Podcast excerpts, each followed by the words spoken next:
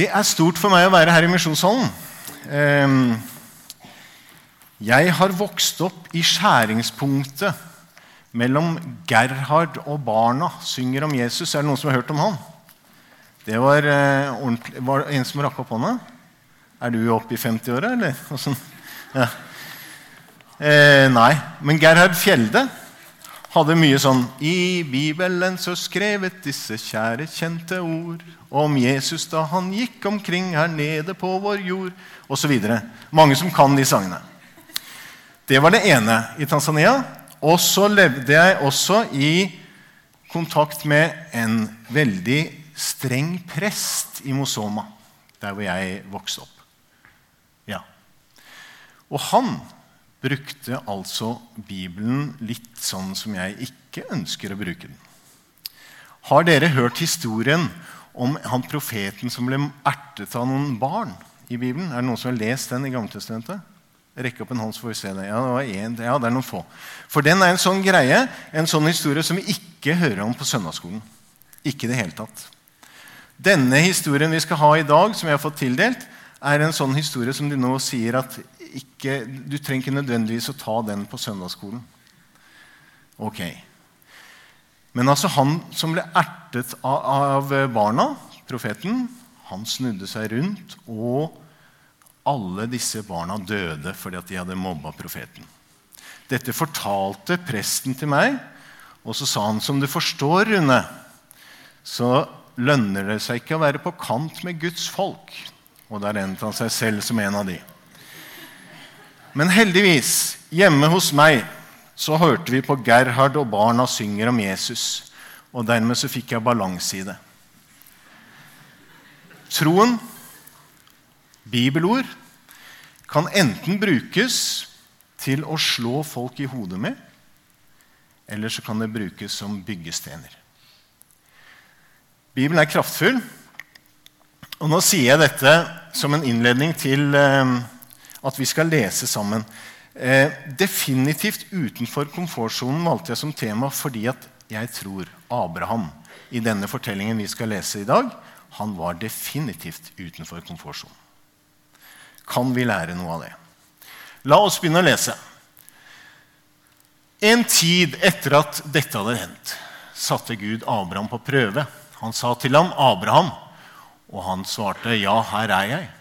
Da sa han, 'Ta din sønn, den eneste, Isak, han du elsker, og dra til landet Moria. Der skal du ofre ham som brennoffer på ett av fjellene.' Jeg skal fortelle deg hvilket. Og Abraham sto tidlig opp neste morgen, lesset på eselet sitt og tok med seg to av tjenesteguttene sine og Isak, sønnen sin. Han kløvde ved til brennofferet, og så ga han seg i vei til det stedet Gud hadde sagt ham. Den tredje dagen så Abraham opp og fikk øye på stedet i det fjerne. Da sa Abraham til tjenesteguttene.: Slå dere til her med eselet. Jeg og gutten vil gå bort dit og tilbe, og så kommer vi tilbake til dere. Abraham tok offerveden og la den på Isak, sønnen sin. Selv tok han ilden og kniven i hånden, og så gikk de sammen, de to. Da sa Isak til sin far Abraham, 'Du far?' Og han svarte, 'Ja, sønnen min.' Han sa, 'Se, her er ilden og veden, men hvor er brennofferlammet?' Abraham svarte, 'Gud vil selv se seg ut et brennofferlam, sønnen min.' Og så gikk de sammen, de to. Da de kom til det stedet Gud hadde sagt, bygde Abraham et alter der og la veden til rette. Så bandt han Isak, sønnen sin, og la ham på alteret oppå veden. Og Abraham rakte ut hånden og tok kniven for å slakte sønnen sin. Men Herrens engel ropte til ham fra himmelen og sa, 'Abraham, Abraham!' Og han svarte, 'Ja, her er jeg.' Han sa, 'Legg ikke hånden på gutten og gjør ham ikke noe.' For nå vet jeg at du frykter Gud, siden du ikke har spart din eneste sønn for meg. Da Abraham så opp, fikk han øye på en vær som hang fast etter hornene. i et kratt like bak ham. Abraham gikk bort, tok væren og ofret den som brennoffer i stedet for sønnen sin.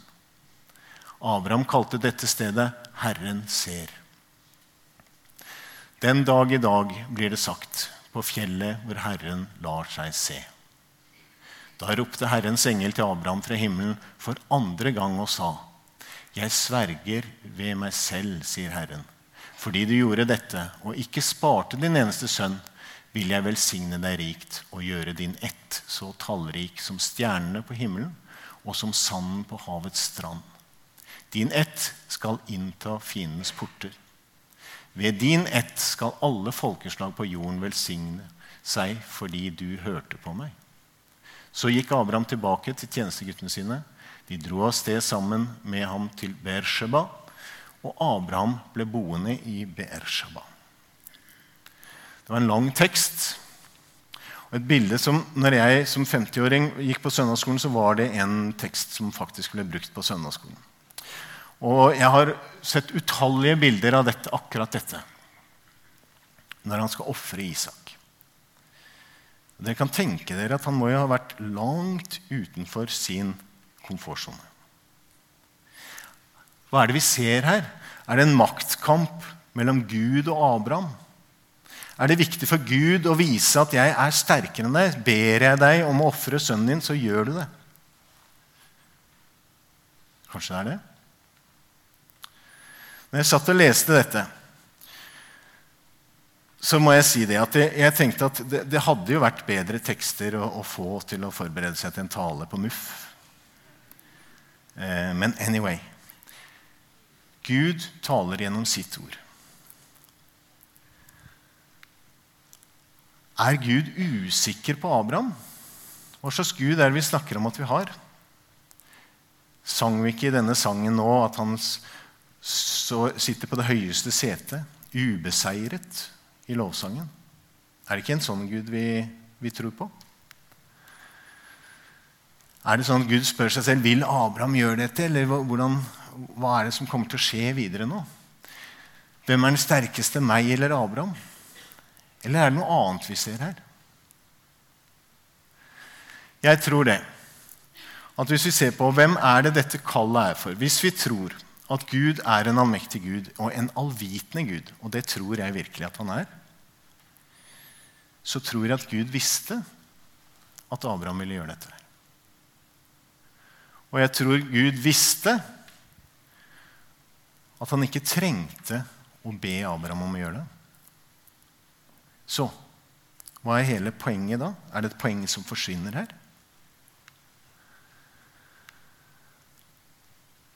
Jeg tror at fordi Abraham blir utfordret av Gud på den måten og går i det kallet eller den tjenesten, den oppgaven som Gud gir ham, så får han erfare at Guds løfter holder.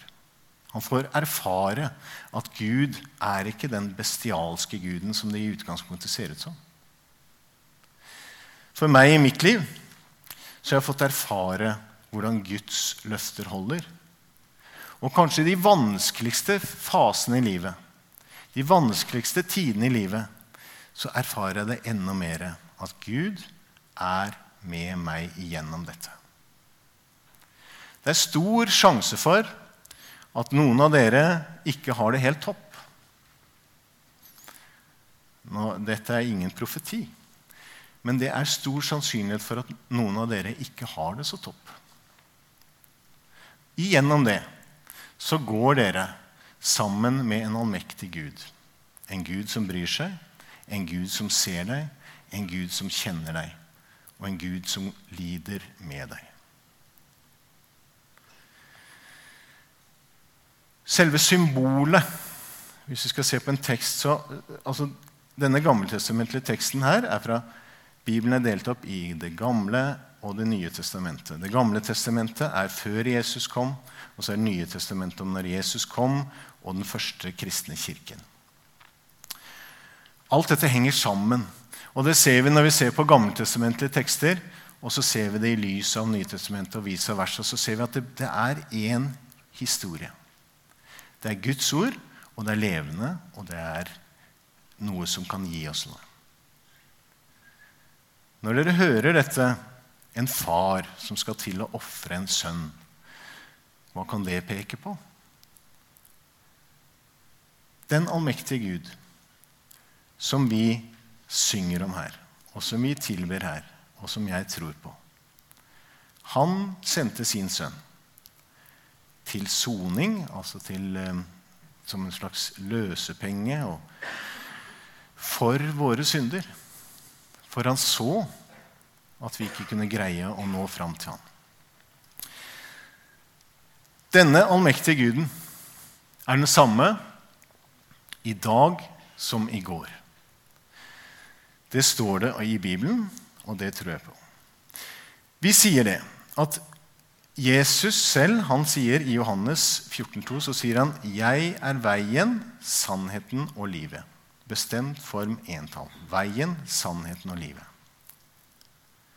Den Gud som fridde Isak ut herfra, den Gud som sendte sin sønn til soning for våre synder, Jesus Kristus, er veien, sannheten og livet. Og det tror jeg. At det er én vei, én sannhet og ett liv. Blir ikke det da det viktigste jeg kan fortelle noen i det hele tatt? Det blir nemlig maktpåliggende for meg at flest mulig får vite om Jesus. Ikke for å få opp noen statistikker på om det er mest kristne eller andre religioner i verden, men fordi at vi tror at dette er veien, sannheten og livet. Og vi må ikke lure oss selv til noe annet enn å vite det at kristendommen er en ekskluderende religion. Fordi vi sier alle andre har feil, og vi har rett. Da blir det viktig å få dele det med naboen, og det blir viktig å få dele det med kollegaen. For meg er ikke det så veldig komplisert med kollegene mine. De vet det meste på hovedkontoret, og de fleste mer enn meg. Men å få dele det med mannen i gata òg. Å få dele med naboen. Få dele med medstudentene dine. Nå er jeg dårlig med navn, men jeg tror hun het Vibeke, hun som ledet bønnemøtet i dag, som snakket litt om det der med å, å dele med ord også. Og jeg tror det er viktig. At vi får lov til å dele vår tro og snakke om vår tro. I Bibelen står det også at Gud legger ferdige gjerninger foran oss som vi kan gå inn i. Og det skal vi tro på når vi møter mennesker. Når vi møter de plagsomme medstudenten som alltid henger seg på, eller som alltid setter seg i nærheten av deg, kan det hende at det er en gyllen anledning for deg til å få dele om din tro.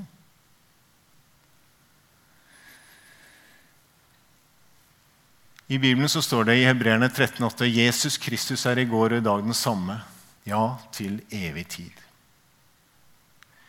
I 5. Mosebok fra Det gamle testamentet så står det Hvilket stort folk har vel en Gud som er like nær som Herren vår Gud er nær oss hver gang vi kaller på ham? Har dere tenkt på det? Denne allmektige Gud som er overalt, over alle ting, over alle makter. Han er en Gud som lytter til deg hver gang du kaller på ham. Det er ikke småtteri. I Romerne 10, 14. Men hvordan kan de påkalle en de ikke tror på? Hvordan kan de tro på en de ikke har hørt om? Og hvordan kan de høre uten at noen forkynner? Logisk. Vi må få høre det, og vi må få lov til å få ta til oss og få tro at Gud er i Bibelen. Og at Gud er en som faktisk er her for meg også. Matteus 24, 14. Og dette evangeliet om riket skal forkynnes i hele verden til vitnesbyrd for alle folkeslag, og så skal enden komme. Jeg har vært så heldig at jeg har fått være misjonær. Og er dere riktig heldige, så får dere også en, noen av dere være misjonærer. Alle kan ikke dra, men noen er de privilegerte få som får lov å dra. Der har jeg fått møte mennesker som har ingenting, men som likevel bruker sine liv i tjeneste for Gud. En som heter Gillo. Han har virkelig ingenting. Så ble han oppe i Nord-Kenya så ble han satt til å være sogneprest. Sogneprest kunne man i utgangspunktet tenke at ja, det må jo være, det er, har han jo sikra seg en inntekt osv. Men nei da. Fra kirken så får du ingen inntekter. De har ikke penger til å lønne deg. Så egentlig du får et enda større ansvar og fortsatt ingen lønn. Han fant ut her i dette sognet, som er enormt svært Det er som eh, ja, både Akershus og Oppland og Hedmarken, tenker jeg. Det sognet han skal ha. Og det er noen ganske, ganske få kristne her. Han visste om at det var noen inni der, og eh, noen inni noen små Hori Hills, heter det. Så visste han om at han hadde hørt om at der hadde vært menigheter før. Så tok han det på seg at han skulle rundt og besøke alle sammen og høre hvordan det sto til med sine brødre og søstre. Og Han begynte fra Marsabit med en motorsykkel 125 kubikk, som var fryktelig dårlig vedlikeholdt, og kjørte noen mil før den brøyt sammen. I en landsby der. Og Der snakket han med noen kristne. Så fikk han lånt seg en sykkel. Og så tråkka han videre med sykkelen. Den der motorsykkelen med stående igjen. Og så kom han til en ny landsby, snakket med de, helt til sykkelen gikk i stykker. Og så fortsatte han til fots. Når han kom tilbake til Marsabit etter å ha tatt den runden sin på tre uker, så kom han med støvlene sine, som da han hadde gått igjennom sålene på. Sånne skinnstøvler som så ut som sånn, de, sånne vinterstøvler som vi bruker. De der, eh, hva heter det for noe? Timberland. Lignet på de, men det var ikke Timberland. Han tråkket igjennom de. Sålene hadde løsnet, så de hang over skuldrene hans i, i snøret. Og så var beina hans så hovne at han fikk ikke de på seg lenger. Og så kommer han direkte derfra ned til Nairobi og snakker med meg entusiastisk over hva han har fått lov til å være med på. Han har vært rundt, og han har møtt brødre og søstre som fortsatt holder fast i troen. På tross av motgang. Så jeg møtte en annen, en annen bror som var fra en, fol en, folkegruppe hvor det ikke er noen kristne i det hele tatt, omtrent. Hvor de blir forfulgt når de blir kristne. Han sto frimodig fram og kalte seg for en pastor. Det gjorde at han faktisk ikke hadde noe særlig venner av sine egne. Det gjorde at han ble spyttet på, kastet stein etter, og de skjelte han ut på gaten. Og til slutt så ble han skutt på gaten i en by i Nord-Kenya. Hvorfor? fordi han bekjente Guds navn, og fordi det var så viktig for ham at flest mulig skulle få vite hvem Jesus var. Det var verdt å dø for. Og så er det en forfulgt kirke rundt i hele verden som opplever dette. Og så sitter vi her hos oss og har alt. Herren selv skal gå foran deg. Han skal være med deg. Han svikter deg ikke og forlater deg ikke. Vær ikke redd, og mist ikke motet. Ut av komfortsonen. Vi i vår, vårt samfunn vi er opptatt av meg og mine goder, min sikkerhet, min trygghet. Og vet dere hva? Jeg tror vi taper uendelig mye på det fokuset. Vi taper og mister mye av å få se Guds velsignelser med å fokusere på meg og mitt. Vi er barn av vår tid, ja. Men samtidig så må vi også reise oss opp og si det. Jeg vil følge Jesus, og jeg vil gå dit Gud kaller meg. Abraham var definitivt ute av komfortsonen. Er det Guds mønster for kall? Nei, det tror jeg ikke. Jeg ble misjonær av flere grunner. Jeg kan fort si at ok, jeg vokste opp der, så det var der jeg er mest kjent i Afrika. Jeg er enormt eventyrlysten. Jeg, har, eh, jeg liker å reise. Og alt dette kan jeg bruke til også å dele evangeliet. Det er en vinn-vinn-situasjon. Så vet du hva du har, og du vet hvordan du er utstyrt. Og jeg tror ikke at Gud har skapt deg med dine evner og anlegg for å bruke deg til noe vidt forskjellig enn det du trives med. Men innenfor det du trives med, og det du er god til, så er det komfortsoner.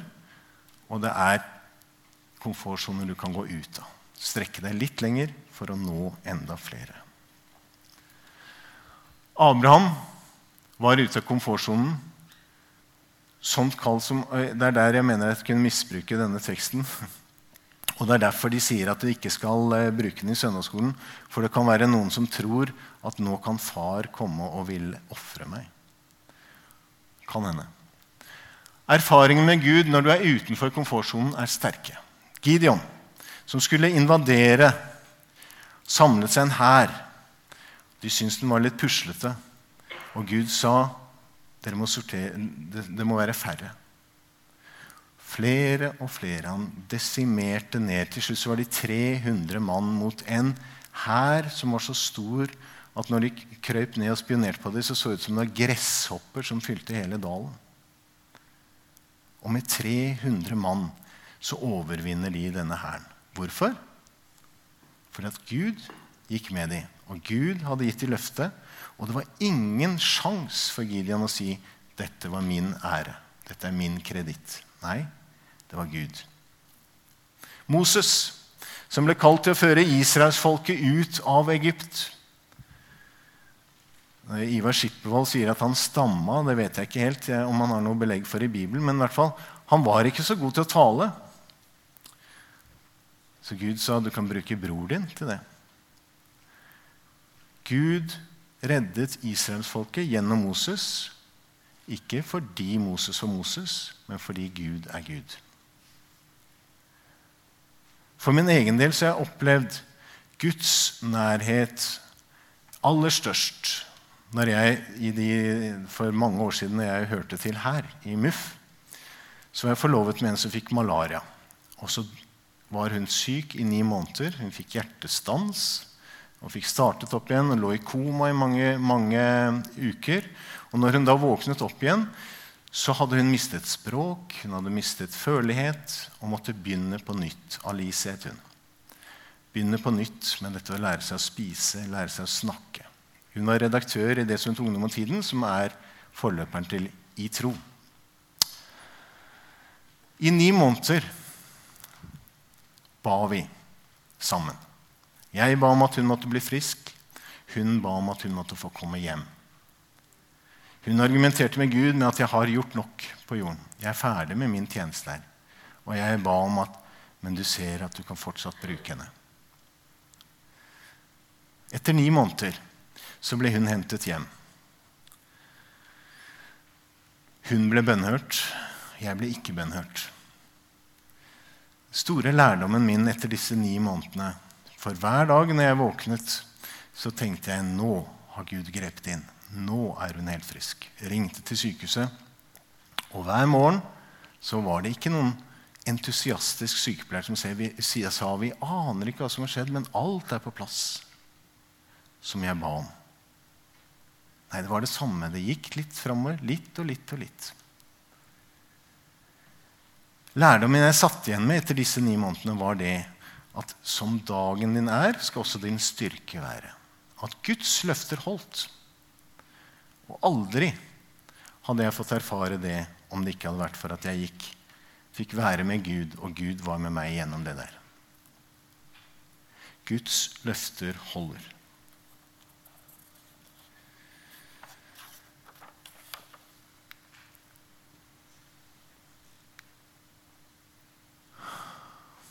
Løftene til Gud står igjennom hele Bibelen. Det gjelder til deg, og det gjelder til meg der vi er.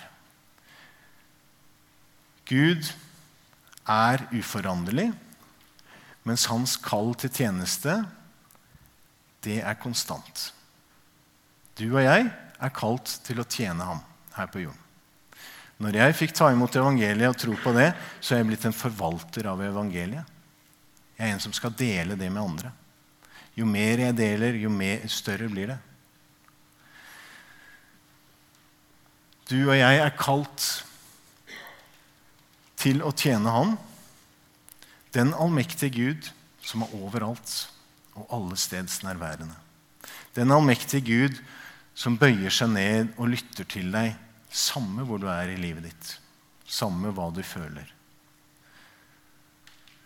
Det er en Gud som kaller deg, men vi kan fort gå oss vill i at vi har ett kall, og så er det en statisk greie. At dere sitter her og tenker ja, når jeg blir ferdig med dette, da skal jeg inn i, gå inn i kallet mitt. Det er her og nå. Og så forandrer det seg. Jeg ser det i mitt liv. Hvordan det forandrer seg etter hvert som livet forandrer seg også. Hva Gud bruker meg til, og hva Gud kaller meg til. Hemmeligheten, dere, det er å leve nær til Gud.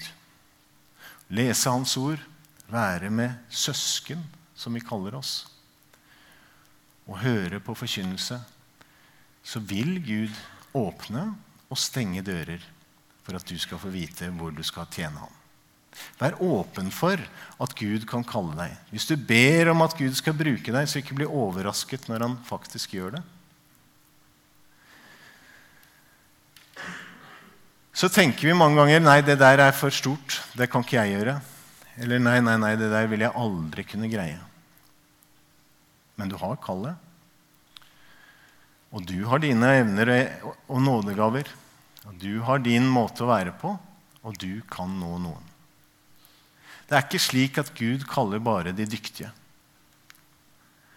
Gud kaller ikke bare de dyktige, men han dyktiggjør de han kaller. Så hvis Gud kaller deg til å gå ut av komfortsonen, så vit at den allmektige Gud har lovet å gå med deg og gå foran deg. Og han har lovet at han skal vise deg den veien du skal gå på. Ha tillit til og ha tro til at Gud vil holde sine løfter. La oss be. Kjære Herre Jesus. Hjelp oss til å se den veien du vil at vi skal gå på. Hjelp oss til å tjene deg og hjelp oss til å se menneskene rundt oss sånn som du ser dem. Jeg ber deg, Jesus, for hver enkelt som er her i dag, at de må få se deg i sine liv, at de ikke må tenke at en gang i fremtiden, men her og nå vil jeg leve nær Gud. Velsign oss, Gud, så vi kan få bli til velsignelse for andre. Amen.